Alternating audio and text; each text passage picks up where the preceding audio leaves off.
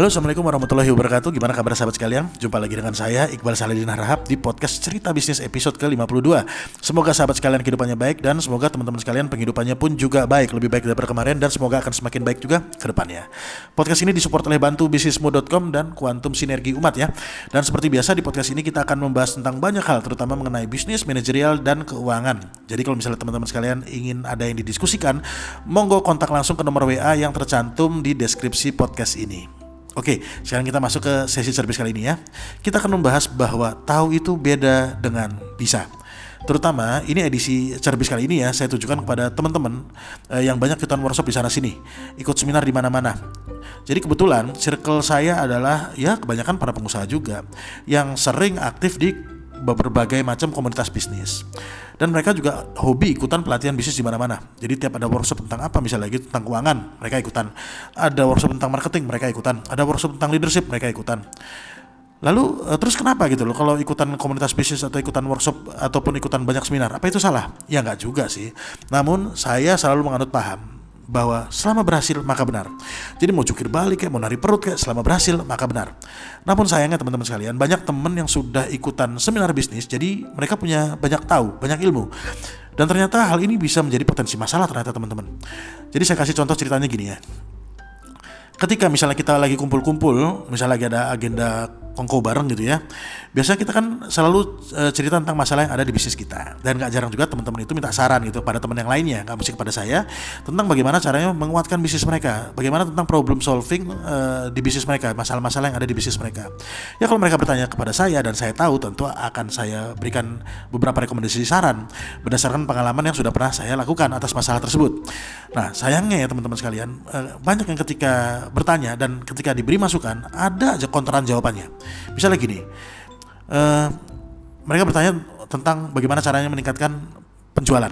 Lalu saya jawab baiknya kalau misalnya masalahmu seperti ini, bagusnya kita melakukan hal A gitu ya. Lalu mereka akan menjawab, loh kan kenapa kok harus A yang dilakukan? Kalau A kan mungkin ada kemungkinan hasilnya begini, kenapa nggak uh, lebih baik kita melakukan B atau C? Gitu ya. Jadi mereka nanya sendiri, mereka jawab sendiri kadang juga ya kalau ada teman yang lagi curhat tentang masalah di bisnisnya ada aja yang nyeletuk gitu loh bahwa oh kalau ada masalah kayak gitu maka kamu harus melakukan kegiatan A B C D E untuk menyelesaikan masalah di bisnismu. Padahal saya tahu sendiri yang ngasih saran juga sedang mengalami masalah yang sama. Maksud saya gini loh kalau misalnya dia tahu kenapa dia tidak menerapkan hal tersebut di problematika bisnisnya sendiri gitu loh? Nah inilah yang saya bilang bahwa orang yang tahu belum tentu bisa. Banyak orang yang tahu teori untuk bisa menjadi kaya. Tapi kenapa cuma sedikit orang yang bisa jadi kaya Jawabannya sederhana menurut saya teman-teman sekalian ya, karena mereka nggak bisa. Mereka tahu, tapi mereka nggak bisa. Orang yang paling tahu bagaimana caranya meningkatkan ekonomi mikro bisa kita katakan lah mungkin uh, kita katakan mungkin mereka pengajar ekonomi atau dosen ekonomi atau mungkin bisa jadi profesor ekonomi. Tapi apakah dosen atau profesor tadi itu beneran kaya? Beneran menerapkan ilmu mereka di dalam kehidupan mereka? Belum tentu. Gini saya kasih contoh lagi. Orang tuh belajar di sekolah buat apa? Buat pinter.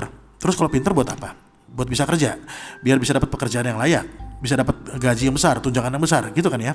Nah, kalau begitu harusnya guru yang ngajar tadi harusnya gaji serta tunjangannya juga harus besar dong. Karena mereka kan mengajarkan siswanya agar untuk e, bisa pintar agar mereka siswanya itu bisa mendapat pekerjaan dengan gaji yang besar, tunjangan yang besar gitu. Tapi gak gitu juga kan. Oleh karena itu kita tahu bahwa bisa ya beda dengan tahu, tahu beda dengan bisa. Jadi dia lagi mana? Jadi menurut saya teman-teman sekalian, antara pengetahuan dan keterampilan itu harus berjalan beriringan. Jangan sampai kebanyakan ilmu tapi nggak tahu cara mengaplikasikannya dalam kehidupan real.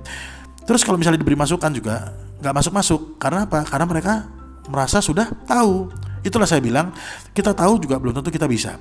Dan memang ya uh, sudah lebih dari dua tahun ini saya tidak begitu aktif di uh, komunitas bisnis. Karena menurut saya ya hanya gitu-gitu aja. Tapi saya tidak merendahkan komunitas bisnis mana pun ya. Ini menurut perasaan saya pribadi, pandangan saya pribadi bahwa ya memang gitu-gitu aja. Tapi kalau misalnya diajak uh, kongko-kongko, oke okay lah saya ikut. Tapi kalau untuk aktif, misalnya untuk jadi pengurus ya mungkin nanti aja lah ya. Sekarang bagi saya fokusnya adalah memperkuat bisnis dulu. Dan kalau memang ada teman-teman yang ingin dibantu atau cerita-cerita, konsultasi atau sekedar ngobrol bisnis biasa, ayo-ayo aja. Tapi kan uh, ini bukan beban buat saya, bukan merupakan suatu kewajiban bagi saya gitu loh.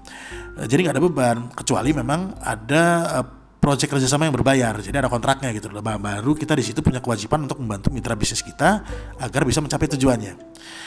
So mungkin uh, sedikit aja ya uh, pada kesempatan uh, cerbis kali ini kita ceritanya bahwa tahu belum tentu bisa.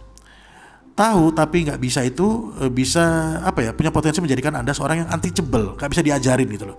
Jadi nggak bisa menerima ilmu baru karena mereka merasa sudah tahu. Jadi gitulah ya kurang lebih teman-teman. Jadi uh, bagusnya idealnya adalah ya kalau misalnya ada masukan terima dulu. Nggak ada salahnya menerima masukan. Uh, terus juga coba pikirkan bagaimana cara mengaplikasikan ilmu pengetahuan yang anda miliki ke dalam permasalahan yang ada di bisnis Anda untuk memecahkan permasalahan yang ada di bisnis Anda. Jadi gitu ya teman-teman sekalian ya. Oke teman-teman kalau misalnya teman-teman masih ada yang mungkin kurang jelas, mungkin ingin bertanya, ingin diskusi atau mungkin juga ada yang ingin mungkin mau memberikan masukan, tambahan atau saran, bisa WA ke nomor yang ada tercera tertera tercera lagi tertera di uh, tadi ya deskripsi podcast ini. Atau teman-teman sekalian mau main kantor kami juga boleh, mau bawain kami pisang goreng atau roti goreng juga boleh banget. Jadi seperti itulah mungkin kira-kira ya cerbis uh, singkat kali ini. Uh, semoga bermanfaat buat teman-teman pendengar, terutama buat saya pribadi sebagai pengingat diri dan saya mundur diri dulu teman-teman sekalian. Sampai jumpa di episode cerbis berikutnya. Assalamualaikum warahmatullahi wabarakatuh.